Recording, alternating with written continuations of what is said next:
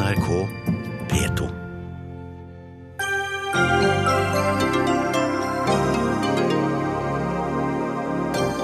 Nye områder åpnet for oljeleting i dag.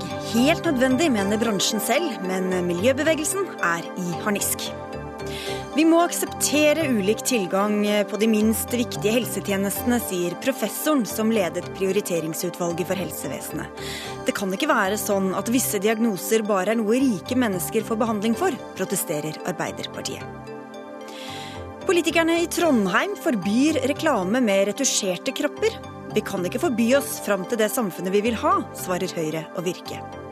Og sykling er gøy hvis du er mann, mener kvinnelig syklist og blogger som synes sykkelbladene bidrar til sexisme.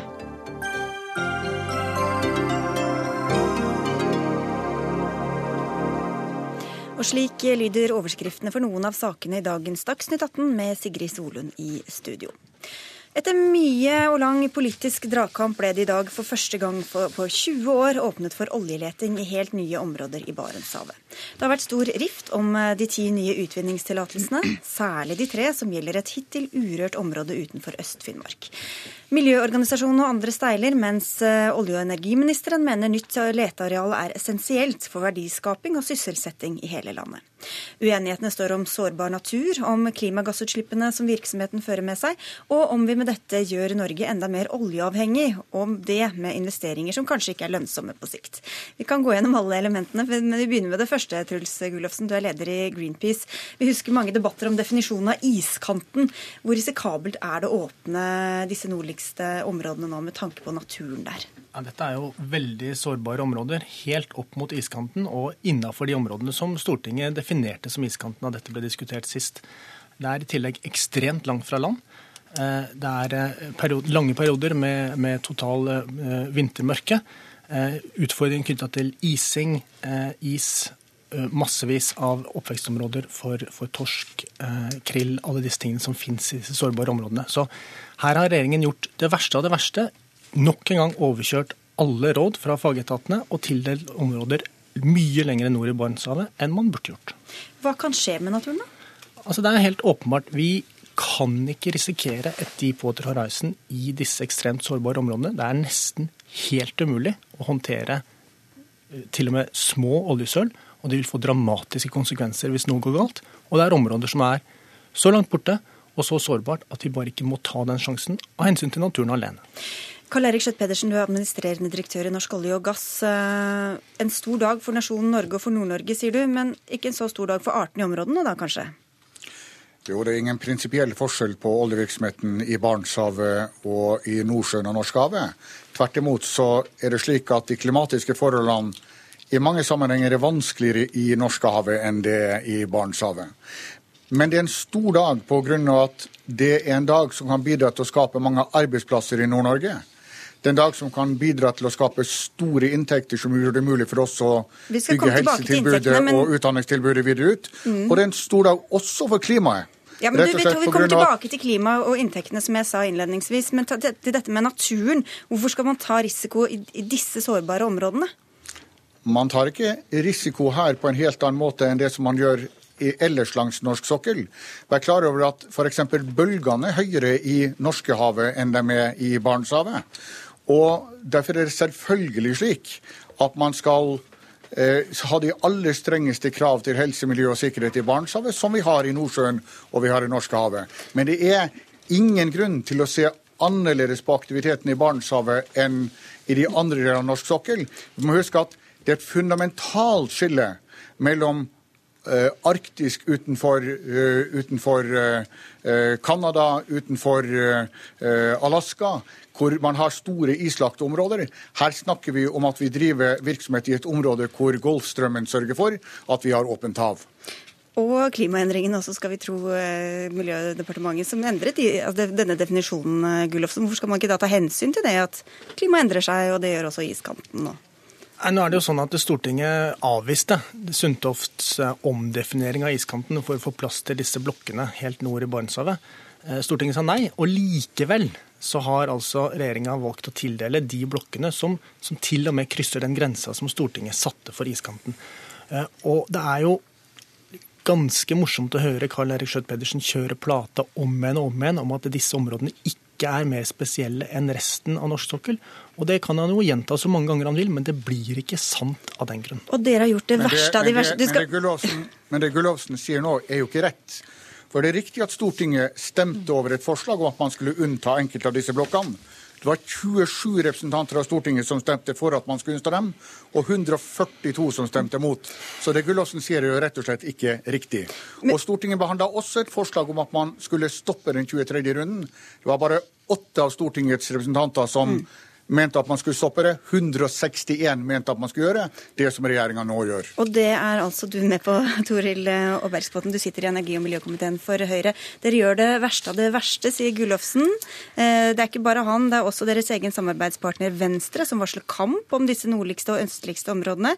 De sier det strider mot samarbeidsavtalen. Hvorfor tok dere ikke ut akkurat disse områdene som det er mest harme over? Altså det, når eh, de, den 23. konsesjonsrunden nå er lagt fram, så er det et oppdrag fra et bredt flertall i, i Stortinget.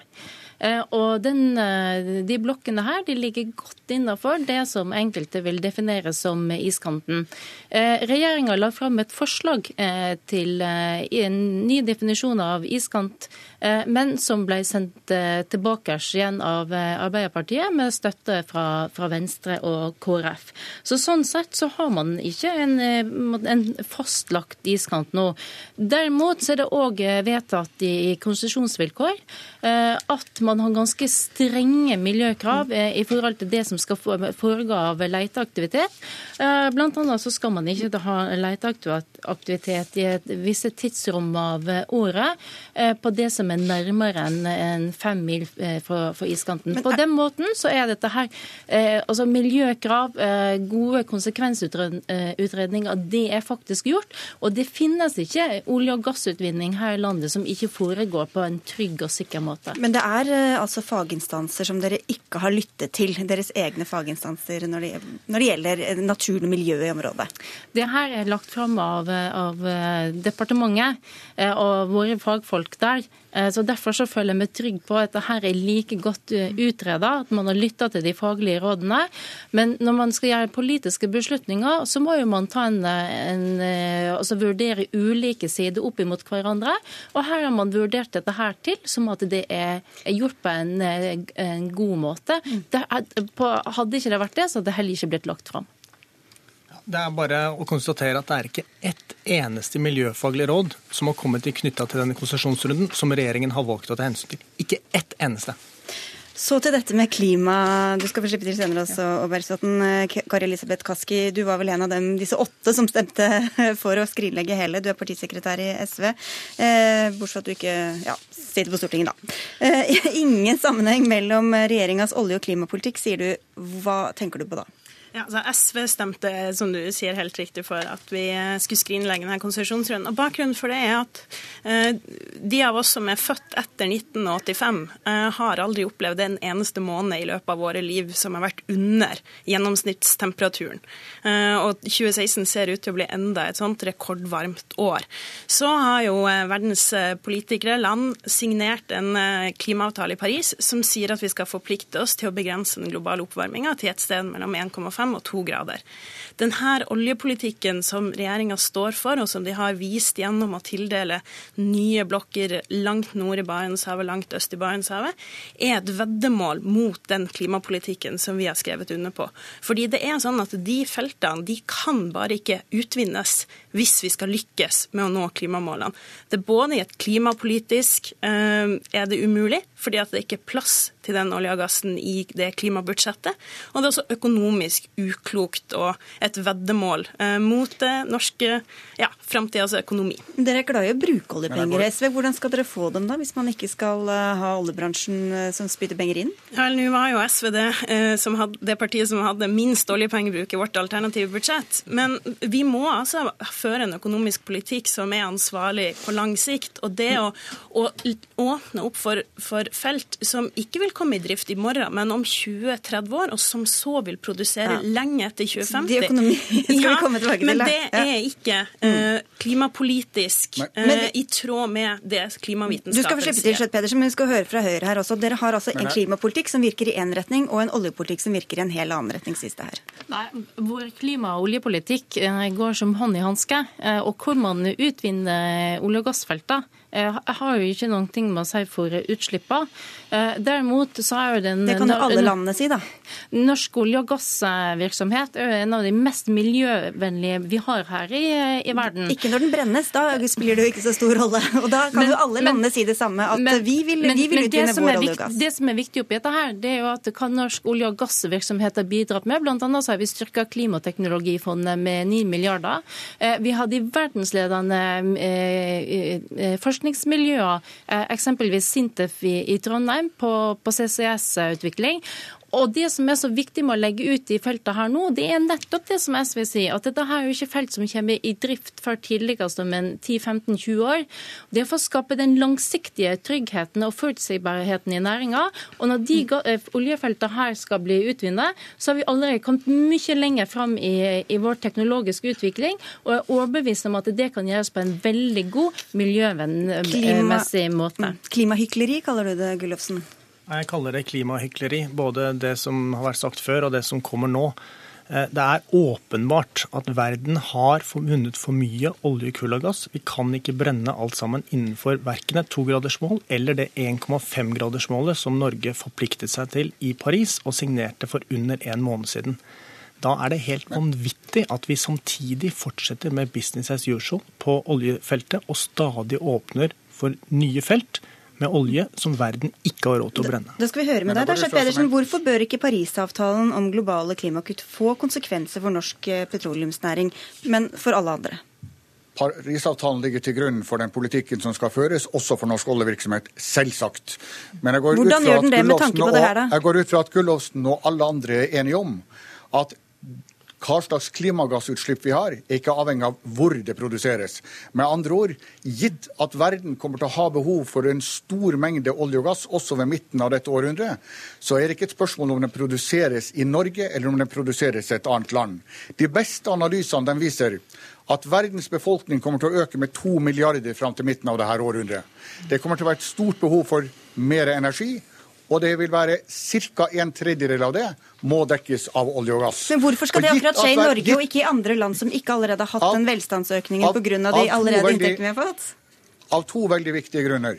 Den ene grunnen er at Norge slipper ut mindre fra sin olje- og gassvirksomhet enn noe annen del av verden. Det andre er av, av Nå tror jeg Gullofsen har trykket på en eller annen knapp her. Nei, det er bare tuller. Det er bare at linja ble så dårlig. Men det, ja, ok, kan skrive kort, så skal vi få inn Skjøtt Pedersen snart igjen. Ja, for at altså Det som både Høyre og Norsk olje og gass her ber oss om å gjøre, det er å sette oss inn i et fly som har 50% sjanse for å greie å lande igjen. Altså, Deres tall er på bakgrunn av at vi har 50 sjanse for å nå togradersmålet. Det er ingen seriøs klimaforskning som, som sier at vi har rom for å hente opp den olja og gassen i Arktis. Og det er altså sånn Den, at... men den spesifiserer jo ikke hvor den oljen skal komme fra. Nei, Det er altså, jo den spesifiserer Arktis, og det å hente opp olje og gass langs iskanten er da vitterlig Arktis. Og det er altså tre fjerdedeler av all fossil energi, og det inkluderer olje og gass, og ikke bare kull som må bli liggende. Og norsk olje og gass greier altså ikke å svare på hvilken olje og gass som skal bli liggende i det scenarioet. De har et regnestykke som ikke går opp i et klimavitenskapelig perspektiv. Da skal vi slippe til en tålmodig dame her. Tina Saltvedt, du er oljeanalytiker i Nordea Markets. Økonomi har vært nevnt flere ganger her. Hvor lønnsomme er det grunn til å tro at disse eventuelle oljefunnene i Barentshavet kan bli? Ja, Den største utfordringen her er jo selvfølgelig at uh, Norge er jo ikke et uh, billig land å produsere olje i. Og det ser vi jo nå. Oljeprisen har falt veldig kraftig, og oljeselskapene må jobbe veldig hardt med å få ned kostnadene. Hvis, altså, sånn som det er i dag, så er det få prosjekter i Barentshavet som er lønnsomme. Og det, altså, det oljeselskapene gjør, er jo rett og slett å prøve å kutte kostnader for å bli lønnsomme på et lavere nivå. Og det er ikke gitt at man klarer å kutte kostnadene på alle disse prosjektene, så de faktisk blir lønnsomme fremover. Og så skal vi også huske på at, at vi får økt konkurranse fra billigere produsenter i Midtøsten. fra en veldig fleksibel produksjon, altså denne skiferproduksjonen i USA. Slik at dette her er eh, store utfordringer for norsk oljeproduksjon. Og det aller siste det er jo at vi får også utfordringer på etterspørselssiden. Altså hvor mye olje trenger vi egentlig fremover? Fordi vi har hatt en lang periode med økende oljepriser, så har det kommet andre energiformer som etter hvert har falt veldig kraftig pris, som vind- og solenergi f.eks. Det kommer andre transportmidler inn som også kan bruke andre ting enn olje. Så langt har vi vært helt avhengig av olje. Det kommer vi ikke til å være i fremtiden. Slik at prisen på olje vil være helt avgjørende, og dette er et dyrt produksjonsområde. Men hvorfor er det da så stor interesse blant aktørene selv, hvis det er så tvilsomt om de kommer til å tjene penger på det eller ikke? Ja, for det første, så, og det har vi også sett tidligere, at uh, veldig mange av de kommersielle oljeselskapene de ønsker å sikre seg produksjonsarealet fremover. Fordi at uh, det er veldig stor forskjell på hvor vi er hen i verden. Enkelte steder er åpen for konkurranse, og det er veldig få steder som er åpen for konkurranse som legger ut nye arealer. De fleste av de områdene det er billig å produsere olje på, blir dominert av nasjonale selskaper, f.eks. i Midtøsten, og der kommer ikke de kommersielle oljeselskapene selskapene til. Så for å opprettholde en viss inntekt, en lønnsomhet, for å opprettholde en, altså en produksjon, så må oljeselskapene da ut i nye områder. og Derfor så ønsker de da å sikre seg disse områdene, selv om de ikke nødvendigvis blir lønnsomme. Hva tror du, Skjøtt Pedersen, hvor mange kommer faktisk til å bli utbygd? Jeg føler meg helt sikker på at de oljeselskapene som har meldt sine interesser, de kommer til å gjøre bruk av de tildelingene de har fått. Og det gjør de jo pga. at de de beste lysene Uff da, Vi må bare beklage dårlig lyd her på, på Skjøtt Pedersen, som er i Hammerfest, uh, hvis jeg ikke tar helt feil. Men uh, Kaski til dette med økonomi. Det er jo selskapene selv som må ta denne risikoen. Det er de som må bestemme om de tror det er lønnsomt eller ikke. Hvorfor er du da så redd for økonomiske feilinvesteringer, når det er de som bærer den byrden? Fordi det er staten som tar den aller største byrden. Og derfor så er den feilinvesteringa som vi er i ferd med å gjøre her Gjennom skatteordningene? Gjennom skatteordningene. Vi er med på å finansiere at det letes etter olje og gass. og og det er jo hensiktsmessig hvis du ikke ser at det er en, en risiko i den andre enden for å ikke få de pengene. Den politikken har vært fornuftig hvis du ikke hadde hatt et klimaproblem eller en risiko for ikke å få avkastning for de pengene. Men nå har vi en risiko for det. Det er det staten som sitter med de største, eh, eh største risikoen der. Og så har jeg lyst til å legge til som finnmarking sjøl at det er jo også en egen risiko for Nord-Norge og de næringsveiene som bygges opp i Finnmark, der man jo nå eh, snakker om på en måte at Finnmark skal skal få ta en del av et oljeeventyr som vel strengt tatt vi ser at er i ferd med å, å ta slutt, og har, at vi har hatt den glanstida. Men Obergsbotten, dere snakker mye om grønn omstilling. Hvordan skal det skje samtidig som dere da legger opp til en ny oljeavhengighet i alle årene som kommer, og også investerer både penger, infrastruktur osv. i det? Altså, olje- og gassnæringa skal være en del av vårt næringsliv eh, og en viktig del av våre altså, samfunnsøkonomiske inntekter i, i, mange år framover. Og Det er jo nettopp derfor det er viktig at altså, staten skal være en tilrettelegger her med å kunne tildele nye eh, områder for eh, leting. Og så er det selvfølgelig opp til selskapene til å vurdere om dette her er lønnsomt eller ikke. Men staten er jo med på eh, risikoen, for å si det sånn, da, gjennom disse skatterefusjonsordningene? De skatterefusjonsordningene, altså, det er ordninger som altså, Det som vi Altså, hadde ikke det vært en lønnsom, olje- og gassvirksomheten vært lønnsom, så hadde vi heller ikke hatt penger på, på pensjonsfondet vårt. Men er du sikker på at den kommer til å bli like lønnsom i årene som kommer, er vel spørsmålet? Altså, jeg føler meg ganske trygg på at vi har bl.a. en aksjelov. De som sitter og tar de beslutningene her, de, har et, de påhviler seg et ansvar til å ta uh, beslutninger i henhold til, de økonomiske vurderingene som, som ligger til den grunn. Og og det, som, det, er veldig, altså det er mange som har prøvd å stå på framtida når det gjelder eksempelvis eh, oljepris. De aller fleste har, har skuffa på det. Og på hva som kommer til å skje om 20 år, det er veldig vanskelig i dag å, sitte oss på. Men det som er helt sikkert, norsk olje- og gassvirksomhet det kommer fortsatt til å være en viktig del av vårt næringsliv. Og ikke minst bidra til å legge grunnlaget nettopp for det som skal være grønn ø, eh, omstilling og vekst i, i mange år framover. Nå er det bare For å hoppe tilbake til den kjempestore lønnsomheten. Nå er det sånn at Den som tar absolutt mest risiko av alle aktører på denne konsesjonsrunden, det er den norske stat. 78% skattefradrag får alle oljeselskapene for alle penger de bruker på dette pluss at statens direkte økonomiske engasjement tar 20% andel av alle de østligste og nordligste feltene. Har jo tjent bra på det så langt, da? Vi har tjent bra på det så langt, men det er ingen grunn til å tro at man skal tjene penger på dette i dette området.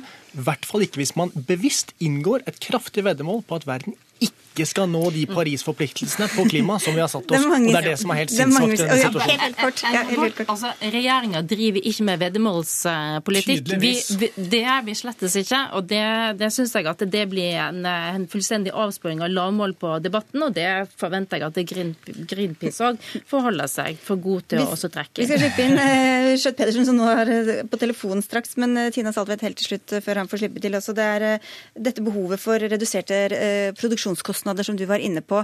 Hvordan harmonerer det med ønsket om flere arbeidsplasser, som også er et av de viktigste argumentene fra regjeringas side? Ja, altså En av de metodene som virkelig oljeselskapene nå benytter for å få ned kostnadene, er jo nettopp at man skal digitalisere mye av produksjonen. Og Det er, helt, altså det er helt nødvendig hvis Norge skal være konkurransedyktig og produsere olje og gass her. Slik at eh, det behovet for arbeidskraft som man hadde når man startet opp produksjonen i andre deler av Norge, det vil ikke være der. Og så skal vi også huske på at en del av norsk sokkel den har ikke vært igjennom den prosessen ennå. Så at samlet sett at det vil være veldig mange, altså mange nye arbeidsplasser som kommer til, det er et stort spørsmål om. Og vi skal jo huske på at det er, altså dette her er et dyrt område å produsere i, og det, det er, blir stor konkurranse fremover. Så lønnsomheten det er ekstremt viktig, og det diskuteres altfor lite, syns jeg. Da skal du få slippe til helt på tampen, Karl Erik Skjøtt Pedersen, etter at linja har spist deg opp et par ganger nå.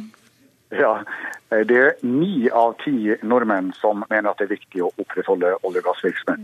Det gjør de selvfølgelig fordi de har sett hva oljeinntektene har bidratt til for at vi har utvikla et av verdens aller beste Men det blir kanskje ikke så mye inntekter og kanskje ikke så mange arbeidsplasser heller, hører vi her? Jo, det, de aller beste analysene viser at ca. en tredjedel av verdens energi må leveres av olje og gass rundt midten av dette århundret. Men det er ikke analyse fra klimaforskere? Det er, det, det er basert på eh, at man eh, bygger på togradersmålet.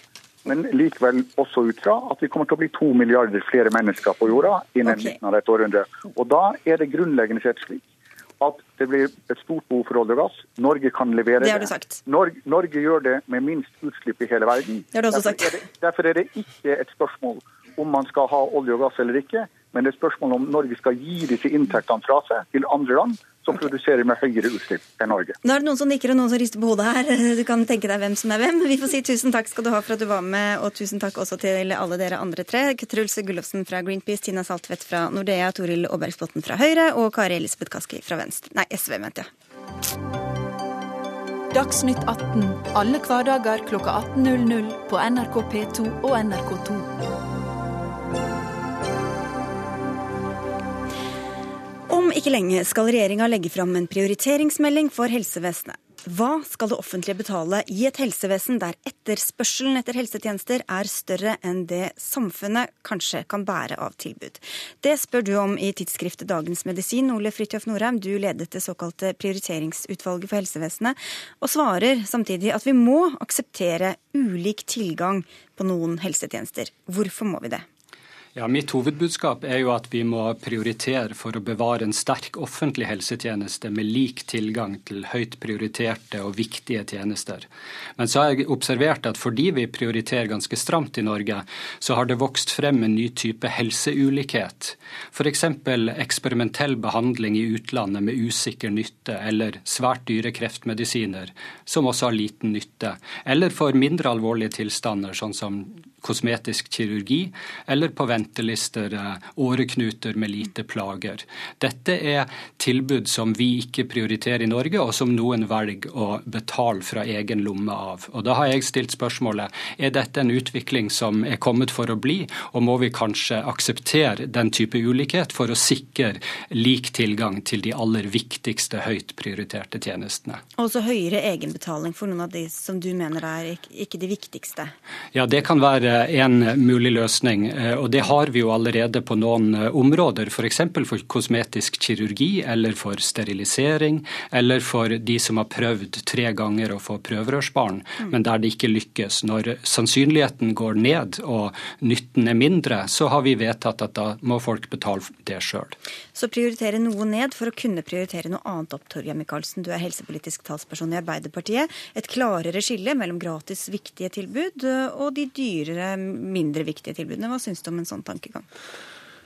Jeg er enig i at vi må prioritere hardere, men jeg er skeptisk til at det svaret på det spørsmålet skal være at enkelte, flere av enkeltbehandlinger eller enkelttjenester skal løftes helt ut av den offentlige helsetjenesten, slik jeg da forstår eh, Norheim.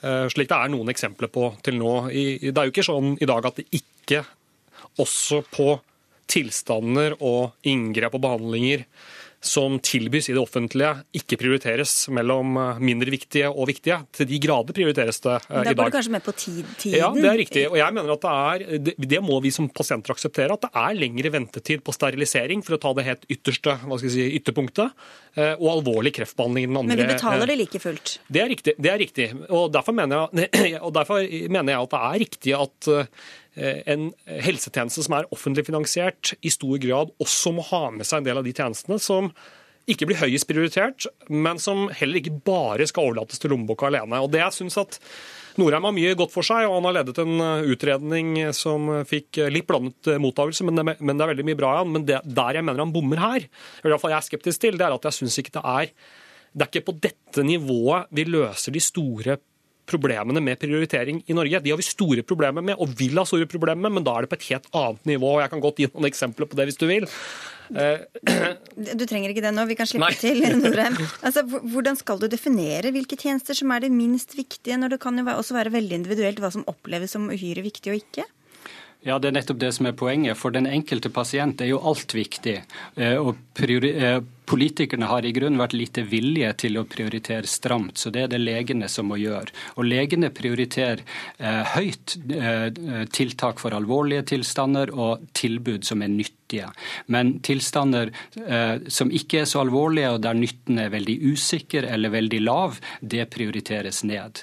Og Det er ikke spørsmål om å løfte dette ut, men vi vet at for fremtiden så kommer det stadig nye tilbud, og vi må vurdere disse nye tilbudene kritisk. Mm. Eh, og hvis vi ikke gjør det, så risikerer vi at vi får et todelt helsevesen der det er de som kan betale, som får de beste tilbudene. Jeg ønsker meg et todelt helsevesen der alle får lik tilgang til de viktigste tjenestene. Og Dette er en debatt vi må ta, tror jeg. Men, men det er jeg helt enig Nora. Men da mener jeg vi skal begynne med der hvor ulikhetene allerede i dag er ganske store. Altså, jeg, jeg bare må få bruke noen eksempler. Eh, den, det siste helseatlaset, som er en oversikt over nesten halvparten av de dagkirurgiske inngrepene som er gjort i Norge de siste årene, viser f.eks. at det opereres eh, fire ganger så mange knær, altså menisker, i Møre og Romsdal som det gjør i Stavanger-regionen. Da er det helt åpenbart at et av de stedene så opereres det for få, eller det opereres for mange. Vi har en lang rekke andre eksempler på geografiske forskjeller. så Dersom du kunne klart å utjevne noe av det, og det mener jeg det er mulig å gjøre, så vil det skaffe rom for å gjøre andre ting eller prioritere andre opp. Og, på, på, og Det finnes en lang rekke eksempler der ulikheten allerede i dag er ganske stor, og hvor også den medisinske vurderingen, begrunnelsen bak, ikke er veldig god. Men det kan jo også være fordi at dere har overlatt alt ansvaret til legene, Nei, da, i frykt for å kunne ta tøffe prioriteringer fra politikernes ja, side? Men, og der, det, det, er mitt andre poeng. at jeg, jeg, jeg forstår hva Norheim peker på, hvor han sier at, liksom, at politikerne bare vasker hendene sine og overlater all jobben til alle andre. Nei, det er jeg faktisk ikke enig i. Du skal ikke finne så mange andre land med såpass stor materiell velstand som Norge har, et oljefond på 7000 milliarder kroner, hvor du likevel har et stort flertall av politikerne som sier det samme som meg. Vi må prioritere. Ja. Vi har faktisk også satt opp en lang rekke kriterier for alvorlighetsgrad, som Norheim peker på, og andre kriterier, som gjør at noen pasienter og pasientgrupper blir prioritert foran andre. Og Derfor mener jeg at eh, nå er det jo bare de politikerne som eh, ikke mener at vi skal prioritere, de har jo også havnet i regjering. Så nå er det jo store muligheter til å kunne bli enige om noen nye sett med ja, prioriteringskriterier. Okay, for de som Norheim er inne på, Det kommer nye behandlinger, ny teknologi, nye apparater, flere krav og ønsker fra en befolkning også som som har Dr. Google eh, ved sin side. Ja. Eh, Alt koster penger. Hvordan vil du prioritere, da? Det jeg er for det første opptatt av, er at de som da sitter og googler hjemme, skal ha tillit til at den offentlige helsetjenesten i Norge er i front, og som tar i bruk Ja, men hva skal vi ikke gjøre? Jeg syns det er en avsporing på diskusjonen. Jeg, Hvorfor det? Fordi jeg mener at eh, det er en lang rekke eksempler på tilstander i dag. Jeg, jeg nevnte menisker, som til og med har, og med har en usikker medisinsk eh, altså virkning, og i det hele tatt å operere. Da mener jeg at det bør være mulig å gå gjennom pasientgruppe etter pasientgruppe, tilstand etter tilstand, eh, og få jevne ut en del av de forskjellene som er allerede i dag. Jeg mener at Det å skape en frykt i befolkningen om at nå er det slik at nå har vi så lite rom i norsk helsetjeneste at vi skal begynne å plukke ut enkeltpasienter eller enkeltpasientgrupper som skal prioriteres vekk eller ned, det er å skape unødvendig frykt i en befolkning som burde være opptatt av disse store spørsmålene. Ok, Hvor langt kommer vi med denne oppskriften, Norheim?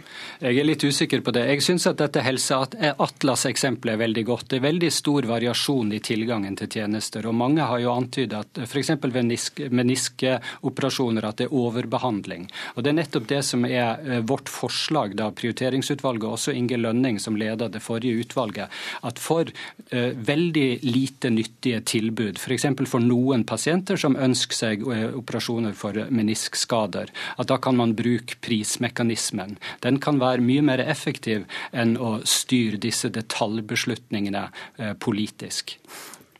Men hva skjer hvis vi begynner å gjøre om på dette eh, fundamentet om at helsevesenet skal være likt for alle?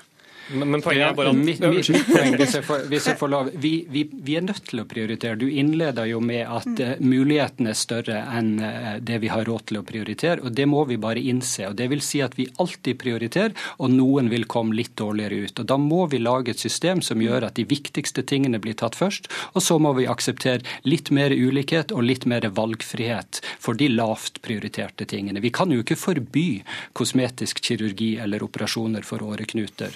Men det er det heller ingen, det er ingen av oss som vi si, har foreslått, eller, og jeg syns heller ikke det er noen god idé. Eh, Men bare for et annet eksempel på hva vi burde konsentrere oss om dersom vi skal ta det Norheim peker på på alvor. Det er jo det som i mange land er et stort problem, men som også er et problem i Norge. denne vi gjør det for sikkerhets skyld-kulturen. Altså at vi pasienter er ikke, stoler ikke nok på legen vår, fastlegen vår eller andre på sykehuset, så vi krangler oss til flere prøver. Hadde Eller ikke har- du gjort det? Ja? Eh, Det hadde jeg sikkert gjort, men eh, dersom jeg har tillit til han eller henne som sitter på oversiden av meg, som sier at vet du hva, nå tror jeg at det er best at vi venter i tre måneder. Eller det beste for deg nå, eh, Torgeir Micaelsen, det er at du går hjem og trener. Og så kommer du tilbake om tre måneder, og så skal vi da vurdere om vi skal ta en prøve. Dersom denne tilliten blir brutt, det er det mest alvorlige for prioriteringsdiskusjonen i Norge. Dersom vi får tilstander som vi har i andre land, der man ikke stoler på at myndighetene er i stand til å tilby innenfor den offentlig finansierte helsetjenesten Fordi de er redde for økonomien, f.eks.? de er redde for at det er andre beveggrunner for, for klinikerne, altså for fagfolkene, mm. begrunnelser som ligger til grunn. Altså de tror at, eh, Nå har de hørt om prioriteringsdiskusjon på Dagsnytt 18, så nå begynner folk å tro at nå er det økonomiske begrunnelser for de rådene som legen gir. Da er vi på ville veier. Der er vi ikke helt enda, men det er masse å gå på. Det er masse å hente på å hente ut nye effekter i norsk helsetjeneste, på å gjøre litt mindre av det for sikkerhets skyld-kulturen. Ok. Da kan vi få til en del av de tinga som Ole Fridtjof Norheim er på jakt etter, uten å putte liksom enkeltpasientgrupper på en liste som jeg tror har lite for seg eh, i Stortinget. Jeg skal bare nevne at Bent Høie ikke kunne komme her i dag, og Frp på Stortinget takket også nei til å delta. Dette skal dere nå diskutere på Stortinget. Ja, du ser Ja. jo hvem som stiller da, i vanskelige diskusjoner eh, om helsetjenestens framtid. da. Jeg, må få si at ja. jeg er glad for at Michaelsen er enig i at det er viktig med prioritering. Og jeg opplever at blant stortingspolitikere er det ganske brei enighet om dette. Så det, det er flott i Norge at vi har denne diskusjonen.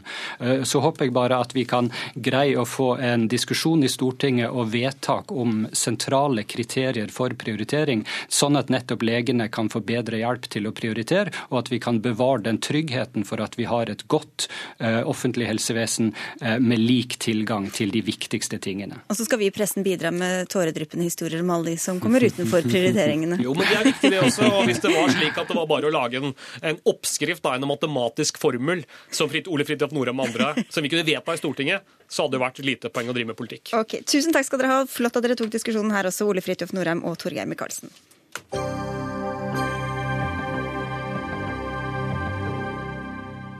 Snart skal folk i Trondheim slippe, eller bli nektet, alt ettersom hvordan du ser det, å se avkledde kropper retusjert til det unaturlig tynne i det offentlige rommet. I hvert fall på reklameplasser som kommunen leier ut, som gatetoaletter, leskur og bysykler. Det vedtok nemlig formannskapet i byen for litt siden. Ordlyden i vedtaket er sitat, det åpnes ikke for reklame som er støtende eller diskriminerende mot grupper eller enkeltindivider, eller reklame som formidler et uriktig bilde av modellens utseende og bidrar til økt kroppspress. Som et minimum bør reklame hvor kroppsfasong er retusjert, merkes. Sitat. Og hvordan skal dere sette disse grensene, Ingrid Marie Sylte Isaksen, du er bystyrerepresentant for SV i Trondheim? Altså, Det ønsker vi å gjøre på flere måter, men vi har allerede folk i dag som sitter og ser gjennom de reklamene som skal publiseres på våre flater. Eh, Dette blir da en ekstra ting de må tenke gjennom når de skal gjøre de her avveiningene om det her skal publiseres på våre flater. Og så er det så mange aktører som bruker tid og penger på å fortelle oss at vi ikke er bra nok. Spørsmålet er om kommunen skal være en av disse aktørene. Det skal vi heldigvis slutte med etter 2018, og jeg er skikkelig stolt over at vi har fått til dette vedtaket. Så nå skal byråkrater sitte og vurdere om dette er unaturlig eller naturlig? Eh, altså, De må være, ta de vurderingene på hvorvidt det her gir et uriktig bilde av kroppen, eh, blant annet. Også hvis det blir store problemer, så må vi politikere også gå inn og se om vi eventuelt må ha detaljerte beskrivelser av hva vi ikke ønsker tillatt på våre flater. Yngve Brokstad, bystyrerepresentant for Høyre i Trondheim. Du vil også bekjempe kroppspress, sier du, men ikke gjennom kommunens reklameplasser. Hvorfor ikke det? Det engasjementet mot kroppspress som Sylte Isaksen har, er prisverdig. Men nå er det ikke sånn at det går an å forby seg eller regulere seg fram til det samfunnet man ønsker seg. og også, her blir det ganske mange rare grenseoppganger som må gås. Jeg var i en debatt med SVs gruppeleder i bystyret rett etter at dette vedtaket ble fatta. Og da sa han at retusjering av uren hud var greit, men ikke, ikke retusjering av hvor slank ikke modellen er. Og det viser jo hvor vanskelig det her vil bli. Det er altså sånn at Debatten om kroppspress den har gått i mange år. Den har ikke bare gått til Norge, også gått til utlandet. Jeg ser at det er flere modeller til med internasjonalt som tar til orde mot denne retusjeringa, som gjør at det blir helt urealistiske bilder. Men ordlyden i det vedtaket er også ganske er også ganske håpløs, for man sier også at reklame som kan oppleves som støtende av av grupper eller enkeltindivider skal man også unngå. Og da, da begynner, kan man begynne å lure på skal man sitte på rådhuset og redigere hva som er grei eller ikke grei reklame. Jeg for min del kan jo si at jeg opplever det som støtende hver gang Arbeiderpartiet nærmest tapetserer byen med sine reklamer når det er valgkamp. De bruker jo millioner av kroner på det. Vegetarianere kan si de føler seg støtt av de her enorme kampanjene for grillmat på, på sommeren. Mm. Det, altså, det, må, det må altså være sånn at vi har noen debatter. De må faktisk gå mellom mellom, mellom oss utafor rådhuset, mens det vi forholder oss til når vi skal si ja eller nei til hva vi skal ha reklame, det må gå innenfor lovens regler. Ja, Sylte Isaksen, hvor skal disse grensene gå? Altså, en ting er jo å finne modeller som er naturlig tynne og med plettfri hud, så man slipper å, å, å, redigere dem i ettertid. Men hvor, hvor, skal grensene gå for alt dette andre som Brox trekker opp? Altså, Det her med støtende reklame har jo Brox selv stemt for i formannskapet.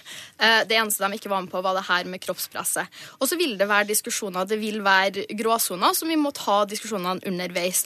Problemet er at det er så mange aktører som forteller oss det at vi ikke ser bra nok ut. At vi ikke har store nok pupper, smal nok midje og lange nok ben. Og det er den typen reklame som får ungdom til å føle seg utrolig dårlig. Som man ser på vei til skole, til arbeid, på vei til venner, fritidsaktiviteter. Og det ønsker vi ikke å tillate på våre flater. Og så må vi se på hvor skal grensene gå, og det får vi ta etter hvert. Og det her vedtaket åpner også for at vi kan se på det underveis. Og det er en mulighet vi ikke har i dag. Vi kan gå inn, gripe inn hvis vi ser reklamer som vi mener bidrar til et økt kroppspress, så kan vi gå inn og si det her skal vi ikke promotere fra kommunens flate. Det er dere som er den store stygge ulven her, Bror Stende. Du er bransjedirektør i Virke, som altså representerer handelsstanden som arbeidsgiver og hovedorganisasjon, og som gir oss alt dette usunne kroppsfokuset. Hvorfor er dere da mot dette forbundet? Nei, altså vi deler, altså Virke, da, som organiserer store deler av norsk handel og, og, og har masse av disse storannonsørene som medlemmer, vi deler dette engasjementet mot pros, kroppspress, men vi tror ikke lovregulering er veien å gå. Vi mener at bransjene, mot- og skjønnhetsbransjene har tatt dette inn over seg og blitt mye, mye bedre de siste årene.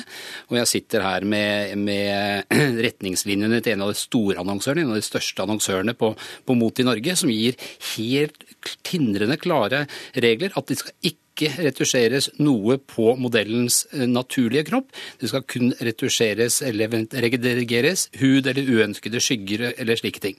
Så her har man helt tatt klart, klart ansvar. At man endrer ikke på eh, på modellens naturlige kropp. Men det er vel ikke gjengs eh, i bransjen, akkurat? Ja, Nå har jeg snakket med flere av de store aktørene, og jeg mener at dette her er gjennomgående. Man tar et ansvar, og det finnes mange millioner dommere der ute hver eneste dag. Man trenger ikke en lov for dette er sånn.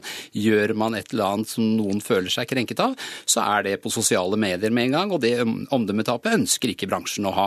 Så jeg mener at bransjen nå holder seg innenfor reglene og, og, og passer på at de eh, presenterer dette på en naturlig måte. Men det er klart, reklame reklame er jo eh, i, i, sin natur en måte å fremstille produktene på best mulig måte. Mm. Så det kan da kanskje da fremstilles som, eh, som Eller synes som om disse menneskene er vakrere eh, enn en selv.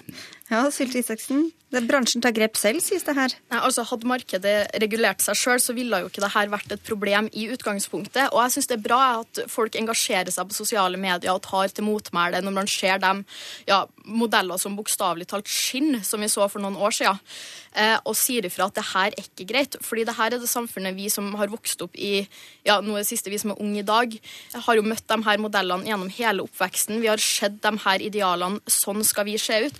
Selvfølgelig folk blir syke av det. Og når vi som kommune da står ansvarlig for å gi dem et tilbud idet de opplever problemer av det her kroppspresset, eh, så må vi også sørge for å ikke være en av bidragsyterne til å spre det.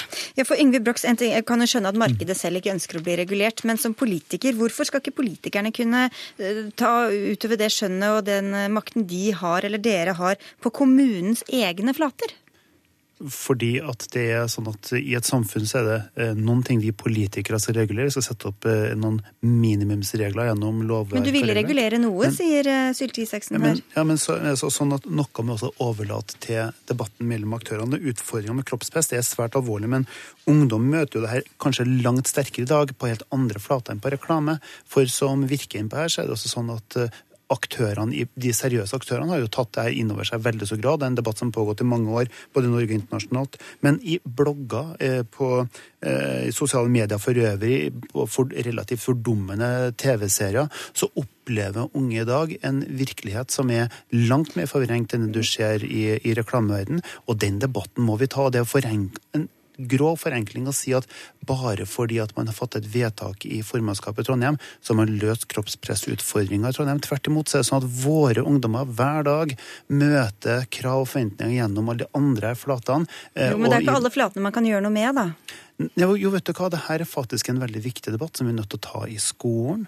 Eh, som vi er nødt til å ta som foreldre overfor våre barn, som vi er nødt til å ta som, eh, som ansvarlige forbrukere hver dag. Men det er altså dessverre så er det ikke sånn at vi kan regulere oss fram til det samfunnet vi ønsker gjennom politiske vedtak. Hadde det vært så enkelt, så hadde, altså kunnet, så hadde vi ikke hatt arbeidsledighet i Norge. fordi altså det, eh, det, det er grunnlovfesta at vi har rett til arbeid i landet. Okay. Det er ikke sånn at vi kan regulere oss automatisk fram til nøyaktig alle de resultatene resultatene han vil ha. Men da må vi stole på bransjens stemme. Og hvor ofte er det du ser en dame i bikini på en sånn stor post og tenker han, Ja, sånn ser veldig mange i min familie ut, eller alle rundt meg. Kjenner meg veldig igjen i den kroppen der.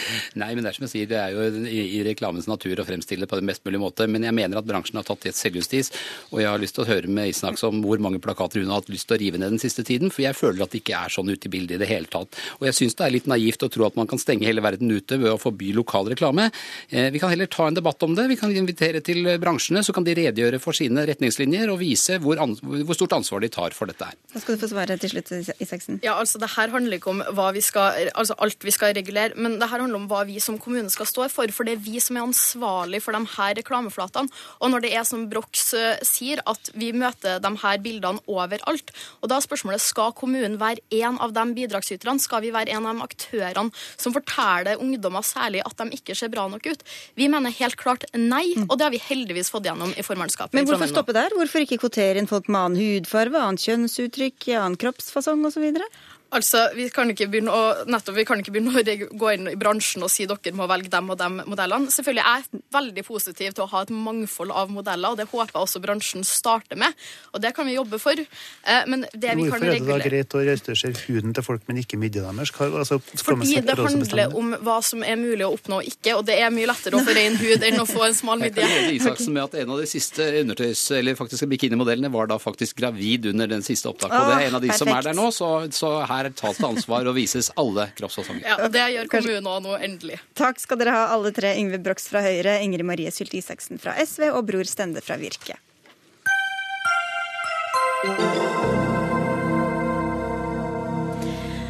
I kveld er det planlagt sangprotest utenfor den russiske ambassaden i Oslo. Gruppa, som kaller seg Den norske demokratibevegelsen, skal spille den ukrainske sangen som vant Eurovision Song Contest på lørdag. Låta med tittelen 1944, framført av artisten Jamala, handler om Stalins deportering av krimtatarer, en deportasjon som har årsdag i dag, 18. mai. Guri Itzøviken, du er skribent og blogger på Good Evening Europe, eh, og kommunikasjonsrådgiver også. Og før konkurransen så skrev du et innlegg i Aftenposten om eh, hvor politisk denne konkurransen Eurovision er blitt. Hva sier både finalen og de siste dagenes diskusjon om vinnerlåta om politikken i det hele, som du ser det? Nei, jeg, jeg, jeg sa ikke at den har blitt det, jeg den har vært det absolutt hele tida. Jeg tror det er veldig vanskelig å treffe og samle alle land i Europa og be dem ikke være politisk. Det, men eh, jeg syns ikke det er noe farlig å være politisk. Jeg synes jo det er, en, det er en måte vi sam, samhandler på. Og det vil alltid være politiske undertoner hvis man skal ha en, en viss grad av mening i det man sier. Men, eh, men eh, klart at det blir veldig tydelig i år, da. Fordi at eh, den ukrainske låta nettopp handler om eh, 1944, om eh, Stalins deportering av eh, krimtatarer da. Og krimtatarene har det jo fortsatt ikke noe bra, og Krim er annektert av Russland nå. Så det er klart at det blir jo veldig, veldig tydelig da. At, eh, og russerne er jo rasende. Nå har de jo samla inn 300 000 underskrifter mot det. Så. Ja, for Vi skal høre med deg, Morten Jentoft, du er korrespondent i eh, Moskva. Hvordan ble den ukrainske seieren mottatt i Russland? Ja, eh, vi skal jo også huske på det at eh, faktisk Jamala var eh, den av artistene som fikk nest mest stemmer av eh, folkejuryen i eh, Russland eh, etter Armenia. Eh, Og eh, mange her har jo også gratulert henne med denne sangen her. Men det er klart, det har også vakt eh, reaksjoner at eh, man mener dette først og fremst da var en politisk avstemming, og mange mener at dette føyer seg inn i bildet av russofobien som nå herjer i Europa, det der alt som er russisk da blir eh, eh, sett på som negativt. Det er jo mange politikere som har sagt det. Eh, Sånn at eh, man har fra en del hold her, skal vi være klar over at ikke fra absolutt alle hold eller offisielt hold, eh, sagt at dette har gjort Melodi Grand Prix altfor politisk, og at det var politikken som seiret over musikken i forbindelse med finalen i Stockholm på lørdag. Hva er det politisk betente i innholdet i sangen? Det er jo egentlig ikke noe spesielt politisk betent i innholdet i denne sangen i dag. Eh, også i dag har jeg sett på russisk TV eh, reportasjer om deporteringen av krimtatarene. Dette er noe som også eh, anerkjennes eh, som en stor forbrytelse her i eh, Russland. Eh, De russiske myndighetene på Krim sier de nå er i ferd med å bygge et stort minnesmerke, et minnesenter til mer enn 50 millioner norske kroner, som skal vise den tragedien som skjedde i maidagene 1944. Sånn at selve hendelsen er ikke noe stort stridstema. Det som er stridstema her i dag, det er jo selvfølgelig det at i Ukraina så settes denne hendelsen inn, og denne sangen også også inn i dagens kontekst, eh, der man mener at eh, krimtatarene er utsatt for eh, nye overgrep, og at den russiske annekteringen av eh, Krim den føyer seg inn i en, en lang historie som går helt tilbake til det som skjedde i 1944. Gurid Søviken, som svar til eh, kritikken din eh, før, før finalen, sa sjefprodusenten din Europeiske kringkastingsunionen, EBU, Jon Ola Sand, at kritikken din var skivebom, og understreket at alle EBUs medlemmer ønsker å holde politikk utenfor. Vi har ikke fått tak i ham i dag, men hvor realistisk synes du dette målet om en samlende konkurranse virker nå? Nei, men Jeg, jeg syns jo det, det, var veldig merkelig utsagn, for jeg har aldri vært jeg har vært på ganske mange Eurovision-finaler. Jeg har aldri opplevd at jeg har vært upolitisk. Eh, senest i år så, så braka Aserbajdsjan og Armenia sammen i en pressekonferanse fordi Armenia hadde et, et flagg fra Nagorno-Karabakh på Green Room. Og det, det, hva, hva betyr det? Uh, Green Room er der ja, men, eh, alle, alle, artistene Men dette flagget, hva var ja. det? Ja. Eh, Nagorno-Karabakh er jo et område som Aserbajdsjan og Armenia kriger om. Og Armenia ønsker, ville da ha det flagget på, med, på artisten sin under sendinga. Og da fikk vi en lang tordentale fra Aserbajdsjan under pressekonferansen om at Nagorno-Karabakh tilhørte Aserbajdsjan. Eh, så, så, og det er sånne ting som skjer jevnlig i Eurovision. Og det, det, var også noe israelsk eh... Ja, jeg var også på en, eh, på en, israelsk fest. som de, Alle delegasjonene har sine fester hvor de presenterer låtene sine. Der dukka plutselig den israelske, israelske ambassadøren opp, hvor, hvorpå, hvorpå programlederen ber alle sammen som elsker Israel, om å rekke opp hånda. Og det er klart at eh, jeg, jeg rekte ikke opp hånda, men det var ganske ubehagelig å måtte å bli utsatt for det. da. Morten Jentoff, hvor politisk har, eh, har Eurovisjonen vært og er i Russland? da? Hvordan brukes det der? Det interessante er jo hvor stort eh, Melodi Grand Prix nå har blitt her i eh, Russland. Eh, dette har jo vært en kjempehappening. Russerne vant jo i 2008. I 2009 hadde vi den gigantiske finalen her i Moskva hvor Aleksandr Rybak vant. Dette er blitt eh, svært her borte. Det er også en måte for russerne å vise at de er en del av Europa, en del av den gode familie. Og når de da føler at eh, de blir på en måte eh, kan du si, Eh, stemt ned som følge av eh, politiske, ikke bare overtoner, men både, både under- og overtoner, ja, så, så, så, blir det igjen da satt inn i en politisk kontekst der jo forholdet mellom Russland og Vesten eller resten av Europa i dag er på et absolutt nullpunkt. Men det vil jeg gjerne si at det, det forstår jeg at Russland noen ganger reagerer på.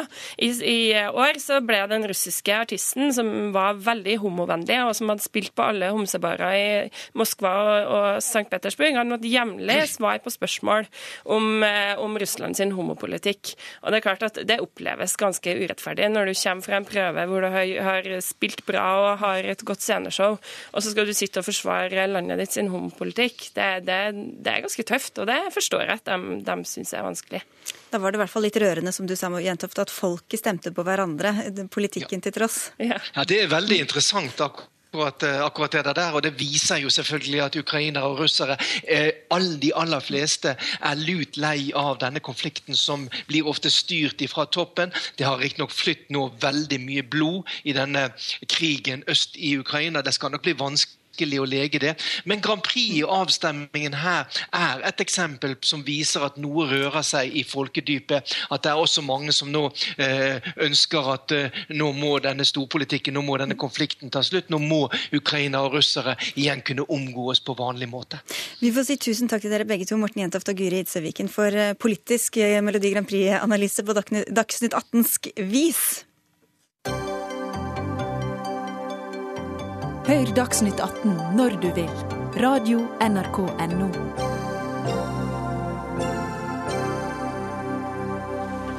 Sykling er gøy.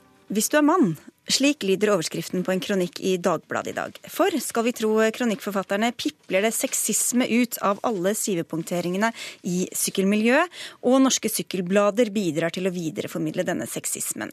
Silje Moskeren, du er syklist og blogger og en av kronikkforfatterne. Hvordan er disse sykkelbladene sexistiske? Vel, akkurat det eh, eksempelet som vi hadde i vår kronikk i dag, det var henta fra Sykkelmagasinet.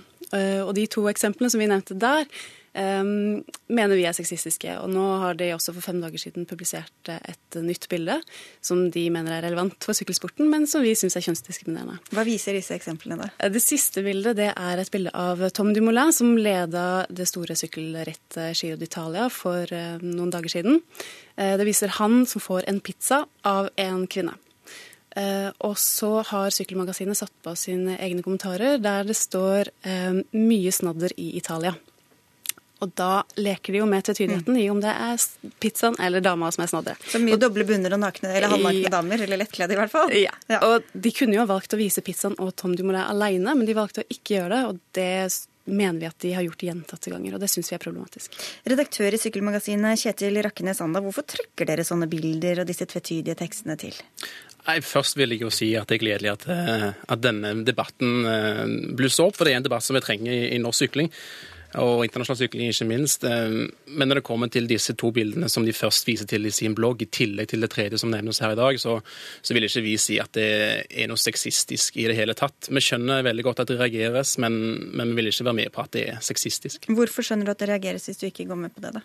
Blant annet et av de bildene som, som de viser til, så, så er det bilde av en syklist som heter Marcel Kittel, som har eh, blikket sitt festet ned mot eh, det vi kan tolke som, som kløften til reporteren. og Det kan vi forstå at folk reagerer på, men hvorvidt det er sexistisk, det, det kan diskuteres. ja. ja. jeg syns jo at det er problematisk at man ikke ser at den symbolbruken man bruker i bildene, at den kan tolkes på et eh, Ja, at, man, at det tolkes som kjønnsdiskriminerende. Um, jeg mener jo at man forsømmer ansvaret sitt som redaktør, egentlig, hvis man, hvis man ikke klarer å se det. Men, ja. Du sier at debatten trengs, men ikke for deres del, da, Anda? Jo, det trenger den absolutt, men som sagt det er ikke sexisme. Hvis man skal definere sexisme, eh, så peker Språkrådet på at eh, dette er et menneskesyn som går ut på at de to kjønnene har ulik verdi. Oftest eh, et kvinnediskriminerende syn. Hvordan det er kvinnediskriminerende at en kvinne står ved siden av en pizza og en og Tom Tom den, den kan ikke jeg se. Det var også et annet eksempel med vinneren av et sykkelritt som står flankert av en dame og en pokal med undertittelen 'En vakker premie'. Mm. Ja, og Hva henspeiler det på da? Nei, Det er bilde av trofeet som vinneren av Giro d'Italia stikker av gårde med, og så står det en dame ved siden av. Eh, I bloggen i Dagbladet i dag så, så påpekes det at eh, kvinnen er mer fremtredende enn trofeet. Det vil ikke jeg være med på. Og å omtale en kvinne som vakker, så ville ikke det vært noe problematisk det heller, vil jeg si. Men, men det er selvfølgelig trofeet vi viser til her. Og det er jo sånn at disse podiedamene, eller hva det heter, ja, kvinnene som deler ut disse premiene, de fins jo, de er jo der. Skal ikke bladet vise den virkeligheten som faktisk er? Jo, det er klart. Og, og, og Tour, var- Tour of Norway i Norge nå, det, det må jeg si at i Tour of Norway, Ladies Tour of Norway, som arrangeres i Norge, som er et kvinnesykkelritt, så det, så er det mannlige podiegutter.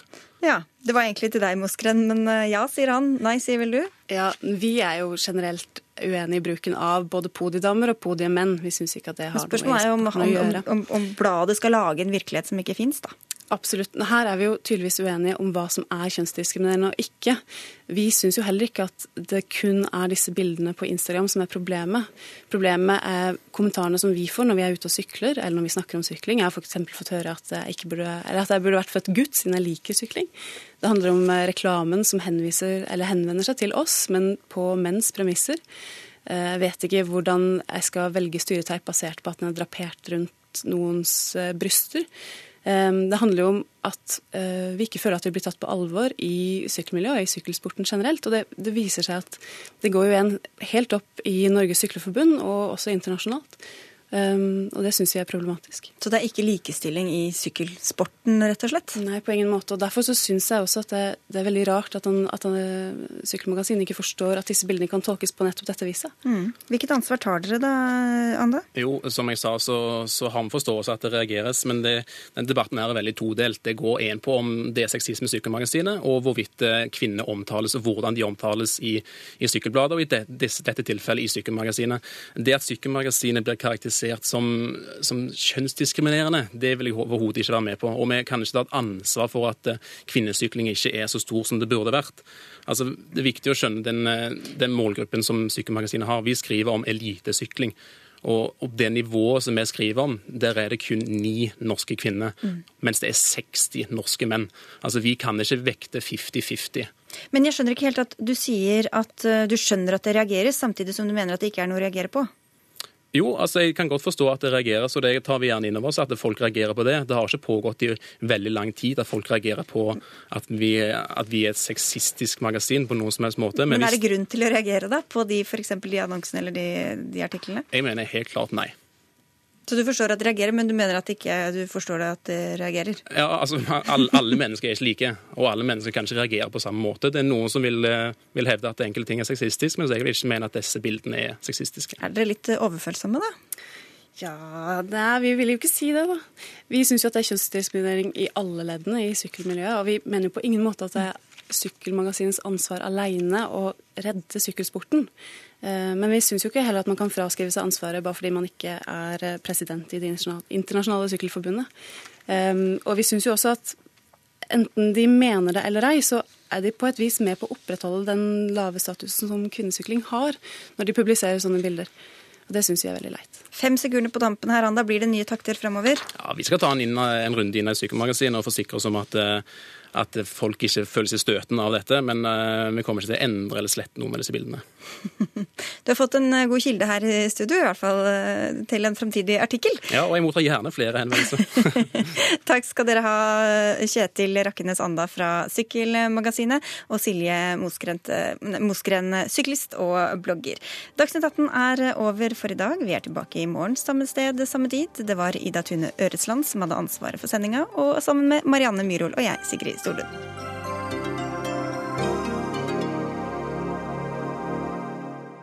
Hør flere podkaster på nrk.no podkast.